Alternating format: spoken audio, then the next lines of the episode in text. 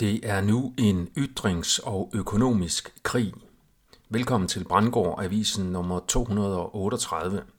Fronten i den dybe krig handler nu om ytringsfrihed og økonomi. Russell Brand-sagen illustrerer taktikken. Mit navn er Per Brandgård, det er den 27. september 2023. Den aktuelle front i den dybe verdenskrig mellem den globale elite og det frie folk synes at være folkets ytringsfrihed – Mediet Reclaim the Net beretter om flere sager fra rundt omkring i verden, hvor magteliten nu forsøger at indføre voldsomme begrænsninger af folkets ytringsfrihed, om de narrativer, som magteliten forsøger at begrænse ikke kun ytringsfriheden, men hele friheden med. Brasiliens FN-repræsentant har således udtalt, at spredning af falsk information om sundhedsemner kan være en kriminel lovovertrædelse.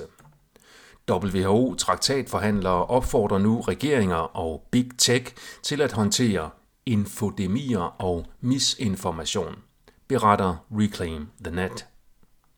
Russell Brand-sagen synes at være et middel til at true personer til at afstå fra magtkritiske ytringer og til at true medier fra at sprede den type information. Især YouTube slår nu hårdt ned på kanaler, der bringer klip med Russell Brand under dække af at beskytte brugerne. Det er især en økonomisk krigsførelse, i det straffen for magtkritiske ytringer er, at man får fjernet muligheden for at tjene penge på platformen, hvis man bringer klip med den berygtede mand.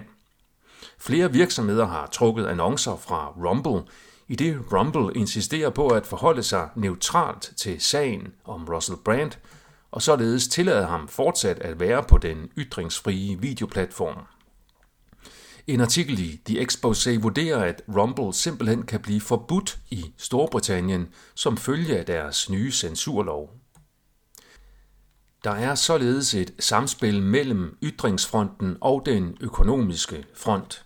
På den økonomiske front bliver vi stille og roligt lokket til at overgive os til et kontantløst samfund, der kræver digitale pas og digitale ID'er, som de Exposé beskriver det. Økonomisk krig kan sniges ind via incitamenter, og det fungerer allerede for fuld styrke i Danmark, hvor man er sikker på at blive fattig, hvis man bruger sine professionelle evner fuldt ud til at kæmpe for det frihedselskende folk via fredelig folkeoplysning. Hvorimod der er gode chancer for at blive rig, hvis man bruger sine professionelle evner til at snyde og bedrage for den anden side. De fleste vælger at forholde sig neutralt og lade som ingenting af frygt for at miste indtægt, hvorved de med deres passivitet og ignorance tillader den globale undertrykkelse at fortsætte. De nye vurderinger af værdien af ejendom og jord kan også betragtes som en del af den økonomiske krig mod folket. Den MeToo-detroniserede tidligere chefredaktør for BT, Michael Dyrby, peger i et nyt opslag på Facebook på, at kammeradvokaten Paul Schmidt AS spiller en central rolle i skandalen om det nye vurderingssystem. Kammeradvokaten har modtaget 165 millioner kroner for deres bistand til statens udvikling af det vanvittige vurderingssystem, ifølge Dyrby.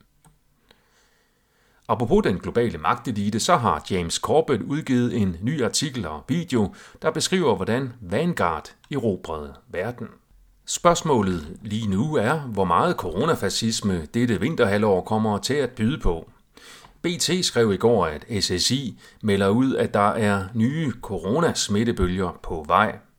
Historien, der kommer fra børsen, som har interviewet Tyra Grove Krause bag en betalingsmur, nedtoner dog coronaens alvor og behovet for restriktioner. Det giver også mest mening strategisk set, hvis fjenden udsætter den helt store omgang coronafascisme til efter de to WHO-traktater er blevet vedtaget og trådt i kraft, det vil sige fra maj 2025. Tidsplanen omfatter vedtagelse i maj 2024 og i krafttræden 12 måneder derefter. Indtil da handler det så for de dybe magthavere om at bruge propaganda og lovgivning til at kriminalisere magtkritiske ytringer, så de får lovgrundlag til at fjerne deres modstandere fra samfundet, når det store angreb sættes ind i 2025 til 26.